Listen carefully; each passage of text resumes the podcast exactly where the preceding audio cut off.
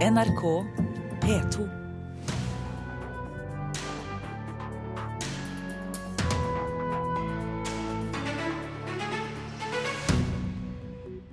Norsk musikkmiljø er svært kritisk til at operasjef Per Boje Hansen ikke får fortsette i jobben, selv om han vil det.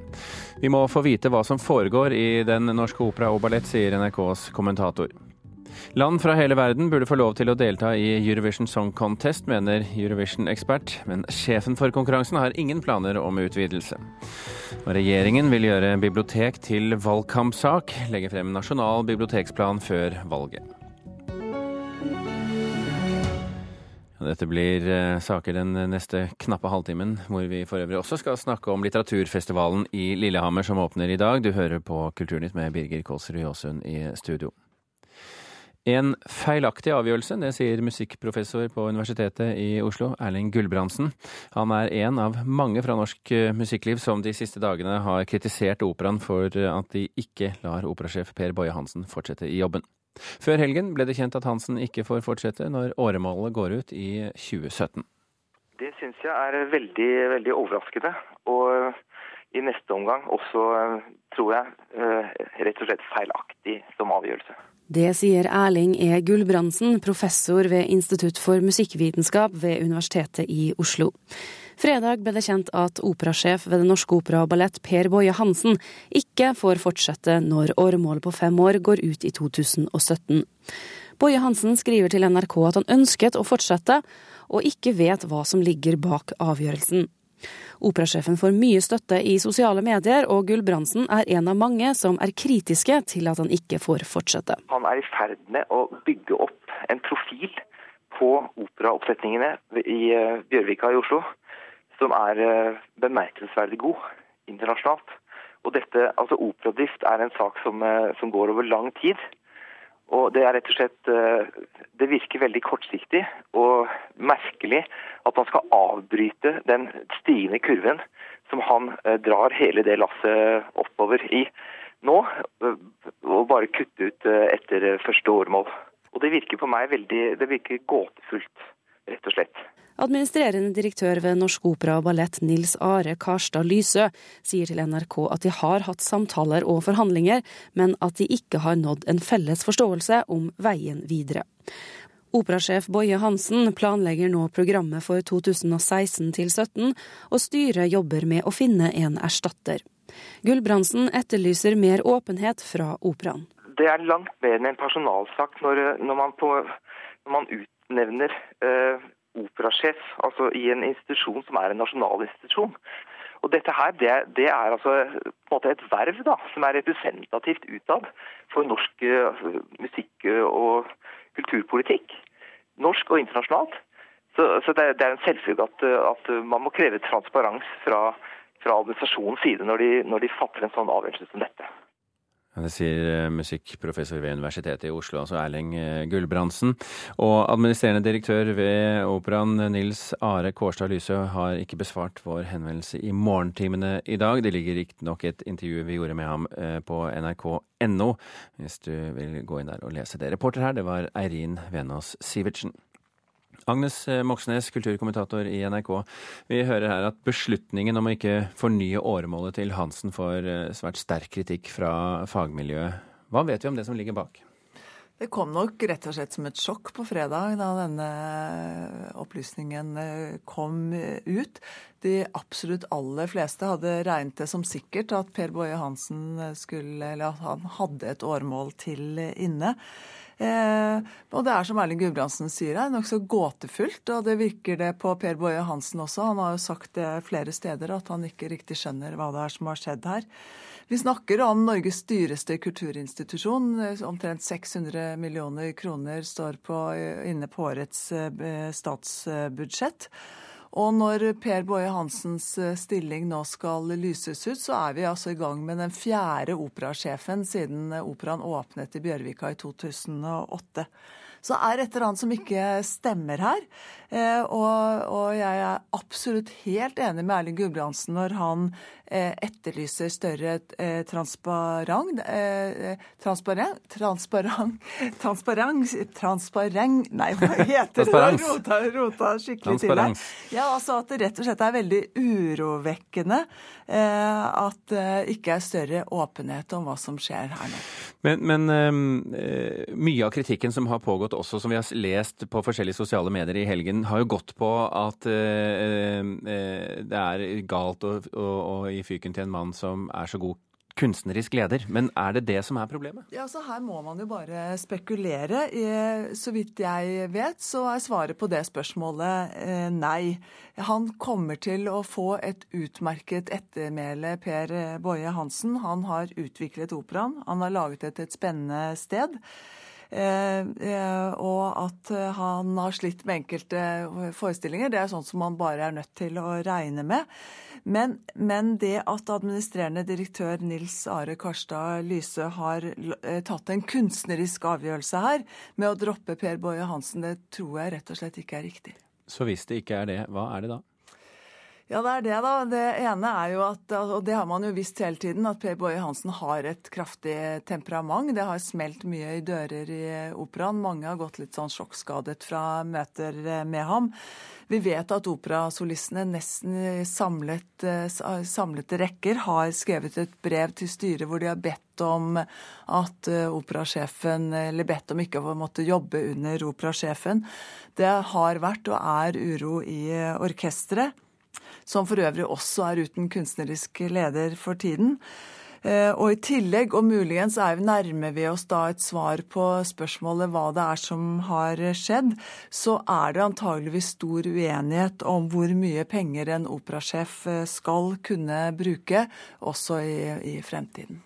Hvor dramatisk er det som skjer nå? Det er kjempedramatisk. Altså, per Boje Hansen, en utmerket operasjef, eh, rent kunstnerisk, har fått eh, skyven. Han ønsket å, å fortsette. Eh, og nå er det altså enighet også om at han ikke skal planlegge utover egen funksjonstid. Dvs. Si at han ikke får lov til å legge planer for operaen etter at han selv har sluttet i, i 2017, og det er høyst uvanlig. og det betyr jo... Er han vingeklippet, rett og slett? Ja, han er jo det. Og det betyr jo rett og slett at verken styret eller ledelsen har tillit til ham. Eh, og noe helt annet som var helt uvanlig som skjedde for bare noen få uker siden, det var at operaen utlyste en stilling som assisterende operasjef, hvor man etterspurte en høy, høy kompetanse både innenfor administrasjon og kunstnerisk ledelse. I, I, dag så får jo operaen eh, nytt styre. Både leder og nestleder går av etter å ha sittet et år på overtid, eh, faktisk. Hva er de største utfordringene de må løse nå? De er uh, veldig mange. Det er store pensjonsforpliktelser. Det går ut over 100 millioner kroner til pensjonsutbetalinger hvert år. Det er et operahus med stor uro. Det er en forholdsvis ny administrerende direktør. Det er skyhøye forventninger til prestasjon og utsolgte hus. Og i tillegg så har vi nok en kulturminister og en regjering som nå ønsker å skru ned budsjettveksten i operaen. Operaen, vært, operaen og balletten har vært en budsjettvinner i veldig mange år de siste årene. Agnes Moxnes, takk for at du stakk innom. Blueslegenden BB Kings død tidligere i mai skal etterforskes som drap, opplyser Rettsmedisinernes kontor i Nevada. Det er døtrene til BB King som nå anklager farens forretningspartner og personlige assistent å ha forgiftet blueslegenden. Han på sin side avviser anklagene, og pga. obduksjonen som nå blir foretatt, er begravelsen av BB King i hjembyen Memphis i Tennessee utsatt. Eurovision Song Contest bør bli en popmelodikonkurranse for hele verden. Det mener musikkjournalist i Aftenposten, Eurovision-reporter Robert Hoftun Gjestad. Under lørdagens finale var Australia for første gang, og foreløpig siste gang, representert. Men Eurovision-sjef Jon Ola Sand har ingen planer om å åpne for flere land utenfor Europa, og at de skal få delta i fremtiden.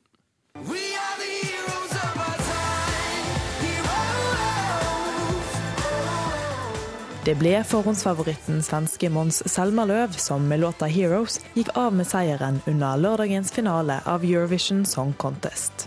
Finalen besto i år av 27 sanger, og for første gang var et av bidragene fra et land langt utenfor Europas grenser med i konkurransen.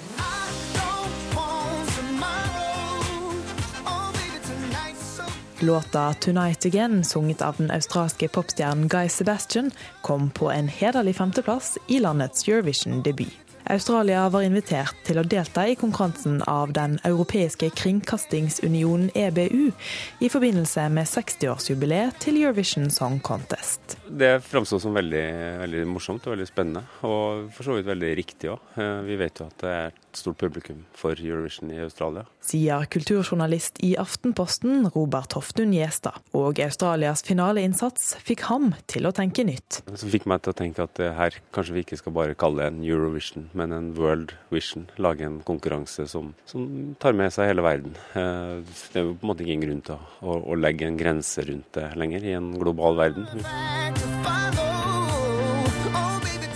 Men å åpne for at land fra hele verden skal kunne delta i Eurovision, er ikke noe EBU vil gjøre med det første. Ja, nå er det jo ikke sånn at det står en lang kø utenfor våre kontorer i Genéve for å være med i Eurovision Song Contest. Det er eh, egentlig veldig få steder utenom Europa hvor Eurovision Song Contest eh, er eh, noe som eh, folk har et forhold til. Sier Jon Ola Sand, sjef for Eurovision Song Contest. Og det med Australia var en, en helt spesiell engangsforeteelse. Fordi de har en lang tradisjon, mer enn 30 år, på å sende Eurovision Song Contest. Og sende kommentatorer og lage programmer rundt det. Dessuten mener Eurovision-sjefen at det vil være vanskelig for deltakerlandene å arrangere konkurransen dersom enda flere land blir med. Nå er Eurovision Song Contest på maksgrensen når det gjelder størrelse. Det er veldig komplisert å øke dette videre. Det er medlemmene våre, vanlige public service-kringkastere, som skal overta dette hvert år. og Da må det være på et nivå og innenfor en økonomisk ramme som det er mulig å håndtere. Robert Hoftun Gjestad mener imidlertid at en større produksjon ikke nødvendigvis vil bli dyrere for hvert enkelt land. Du kan fortsatt holde deg til det konseptet sånn som det er i dag, tror jeg, med to semifinaler og en finale. Litt flere land per semifinale. Litt færre som da går videre til en finale, der det samler alle sammen. Jeg tror, skal, jeg tror ikke det blir nødvendigvis blir så veldig mye, mye dyrere. Eh, og det er klart at de landene som da eventuelt blir med, må jo være med og betale på den regninga. Det blir jo ikke noe større regning for den som arrangerer. Men inntil videre får verken Australia eller andre land være med i neste års Eurovision Song Contest. Dette er et engangsforeteelse, så får vi se hvordan det utvikler seg. Sistemann som ble intervjuet her, var altså Jon Ola Sand, som er EBU-sjef og ikke bare Eurovision-sjef. Ehm, du hørte også det australske finalebidraget 'Tonight Again'. Reporter, det var Ingvild Fjelltveit. Klokken er drøyt eh, kvart over åtte. Du hører på Kulturnytt, og dette er toppsakene i Nyhetsmorgen nå. Forsikringsselskapene har avdekket svindel for over 70 millioner kroner hittil i år. Og sommeren er høysesong for svindel med reiseforsikringer. Flere kommuner er positive til å ta imot sin del av de, de syriske flyktningene. Nå sier 21 kommuner ja, mot kun tre i forrige uke. Og Nord i Mexico og i den amerikanske delstaten Texas har tornadoer og flom tatt livet av minst 16 mennesker. Regjeringen vil gjøre bibliotek til en viktig valgkampsak, og kommer til å legge frem den nasjonale strategiplanen for bibliotek før valget. Norske bibliotekarer frykter at bibliotekene fremdeles vil tape i en dårlig kommuneøkonomi, men planen vil gi bibliotekene det løftet de trenger inn i fremtiden, tror kulturpolitiker i Høyre, Kårstein Eidem Løvaas. Det er et uh, viktig område for regjeringen, og vi skal fortsette å levere på det, håper jeg. Hei. Hei. Det er kulturminister Toril Vidvei som sier til NRK at den lenge varsla strategiplanen for bibliotek altså legges fram før valget i høst. Men ikke alle er overbevist om at dette vil bli det løftet biblioteka trenger. Regjeringa avviste det sist, og det er ingenting som tyder på at en nå heller vil den, komme med den storsatsinga som er nødvendig. Sier stortingsrepresentant for SV Bård Vegar Solhjell. Vi skal faktisk legge fram i dag et nasjonalt bibliotekløft. I fjor kom han til litteraturfestivalen på Lillehammer med et løfte om én milliard til biblioteka. Men femårig øremerka opptrapping av bevilgninger direkte til bibliotekene. Året før hadde kulturmeldinga slått fast at biblioteka trengte et kraftig løft. Men jeg syns jo det er på sin plass. For det, vi har jo vært tapere. Nå er jo det slått fast at bibliotekene har vært budsjettapere gjennom mange, mange år. Sa sjef på Lillehammer bibliotek Berit Strømshove den gangen. Men hun var skeptisk til bruken av øremerka midler.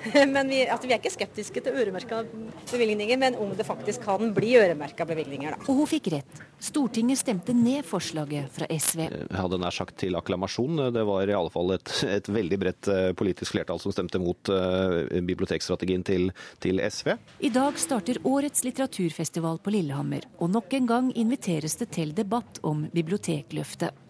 Toril Vidvei vil ikke si noe om verken innhold eller gjennomføring av bibliotekplanen før den foreligger, men Eidem Løvaas forventer at det følger med penger. Hvis vi har en strategi som ikke, ikke følges opp med både kunnskap, personer, lokal uh, forankring og penger, så blir det jo en litt sånn, uh, litt sånn stakkarslig nyttårsrakett som man tenner på, og så, og så, skjer det kanskje ikke den store, fine eksplosjonen på himmelen som hadde håpet. Vi håper jo at den skal gi et løft, for det er det en forventning om i sektoren. Men sjøl så må jeg jo si at jeg er jo ikke helt sikker på om det skjer. Sier Margunn Haugland, som er leder i Bibliotekarforbundet. Uten øremerka penger frykter hun at dårlig kommuneøkonomi ødelegger for de gode intensjonene som politikere stort sett er enige om. Vi er en del av kommunen, og vi ser fort at eh, bibliotek kan fort bli en taper hvis det er dårlig kommuneøkonomi. Bibliotekdebatten starter på Lillehammer denne uka, og kulturministeren vil altså at dette skal bli en viktig valgkampsak under høstens kommunevalg. Kultur har jo ikke pleid å være en valgkampsak, så vi, hvis vi får til det, så er vi kjempefornøyde. Men har du noe tro på det? Eh, håper. Jeg håper at regjeringa nå velger å satse på det. Det er gått et år siden vårt forslag. Eh, men jeg frykter nok at det, det, virkelige løftet som, som, trengs, at det ikke kommer til å komme nå. Det sa Bård Vegard Solhjell fra eh, Sosialistisk Venstreparti. Reporter her, det var eh, Torunn Myhre. Litteraturmedarbeider i NRK, Anne Katrine Straume, velkommen til oss. Takk, takk. Bibliotekene er altså et av temaene på litteraturfestivalen i Lillehammer eh, som åpner i dag. Festivalen som også kalles Sigrid Undset-dagene. Eh, det er 20-årsjubileum i år. Står jubilanten seg godt? Det gjør den absolutt. Den har jo markert seg for mange år siden som Norges største litteraturfestival. Eh, en stund var det sånn at den nesten truet med å sprenge seg ut av sine egne grenser. Altså Det var så mange arrangementer, så mye som skjedde på en gang. I år er det 200 arrangementer parallelt i løpet av denne korte uken som festivalen varer. Og Det tenker jeg er mer enn nok. Man må gjøre et skjønnsomt utvalg for hva man skal få med seg. Eh, det som gjør at det er så mye folk også på Lillehammer disse dagene, er jo nettopp at du har et eget arrangement, et eget seminar for bibliotekarer. Du har et eget seminar for kritikere kritikere, for oversettere. Altså Norla inviterer eh, utenlandske oversettere til Norge, utenlandske forleggere, for å komme og høre og oppleve norsk litteratur. Så det er veldig mye av norsk eh, bokbransje som samles eh, på Lillehammer disse dagene. Er det dermed også en viktig festival? Det er en viktig festival. Den har tatt opp altså det er, eh, Gjennom disse årene så har det hatt et hovedfokus hvert år. Eh, men det, eh, og, og, prøvd å bore litt i også eh, samfunnskritiske eh, dilemmaer. Eh, selv om det kanskje er skjønnlitteraturen som har først og fremst vært, vært Ja, De har hatt sånn som penger har vært et tema, løsrivelse har vært et tema, ansvar, sannhet, sånne ting? Det har det vært. I år så er det faktisk ikke noe hovedtema i det hele tatt. Man kan spørre seg hvorfor det.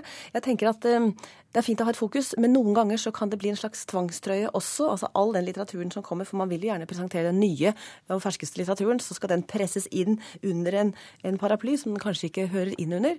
Eh, så i år så har de faktisk valgt å ha flere under, eh, eller parallelle temaer, og det tror jeg kanskje er eh, utviklende for festivalen. Men det er vel fremdeles noen temaer som står sentralt i programmet. I år er det vel Kina, har jeg skjønt? Kina er nok et av de mest spennende eh, temaene i år. Eh, det kommer et knippe kinesiske forfattere til Norge.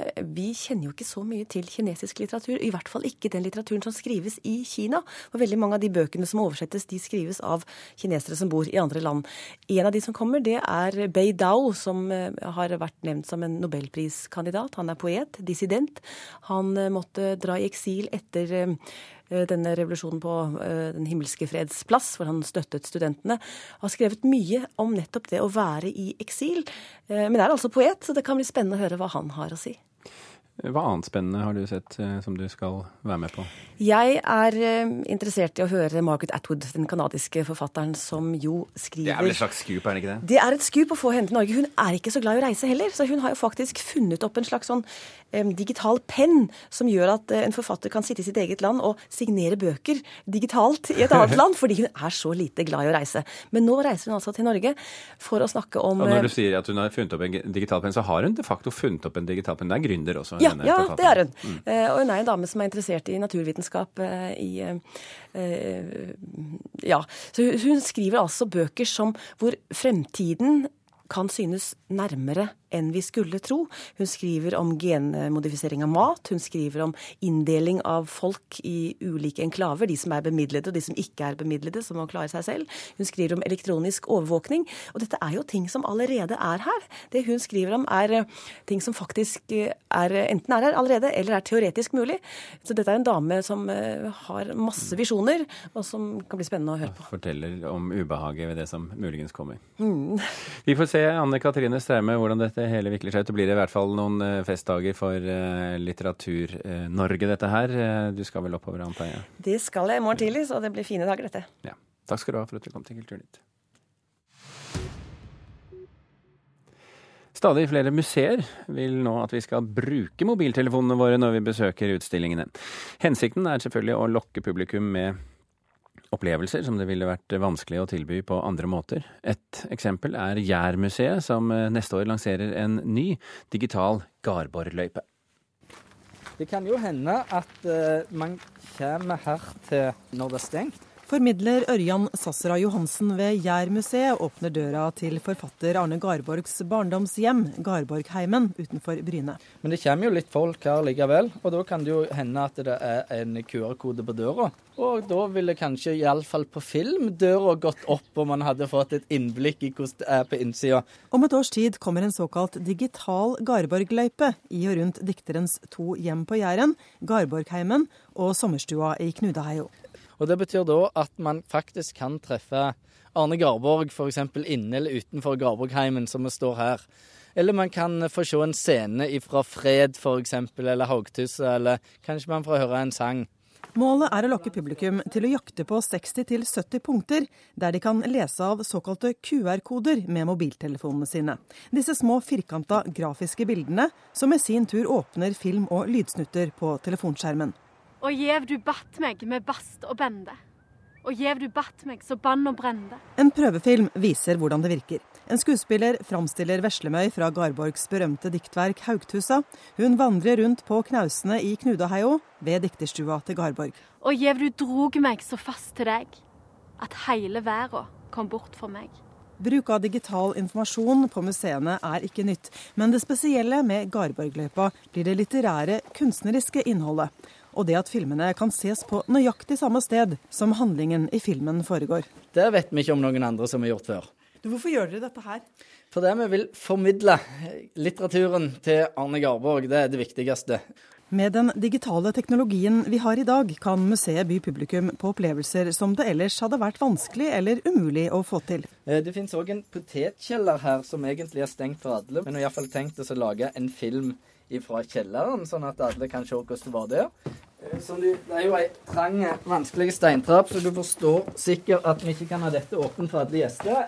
Det er flere og flere museer som uh, tar i bruk denne teknologien. Sier direktør i selskapet Kultur-IT, Levi Nordby. Det er viktig for museene å følge med på den utviklinga som er i samfunnet, og være tilgjengelig på de nye plattformene som finnes. Det museumseide selskapet leverer nå tjenester til 20 norske museer og flere svenske, som vil formidle via mobiler og nettbrett. Det som gjenstår er å få godt innhold, og der er jo Jærmuseet langt framme her med å satse på godt innhold eh, som kan supplere de tradisjonelle måtene å formidle på. Dette er bare starten.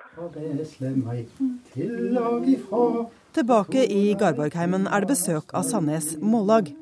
Og til det skal du, i blåbærets kalde luft selv og snu upåklagelig stemning, men gjennomsnittsalderen er høy.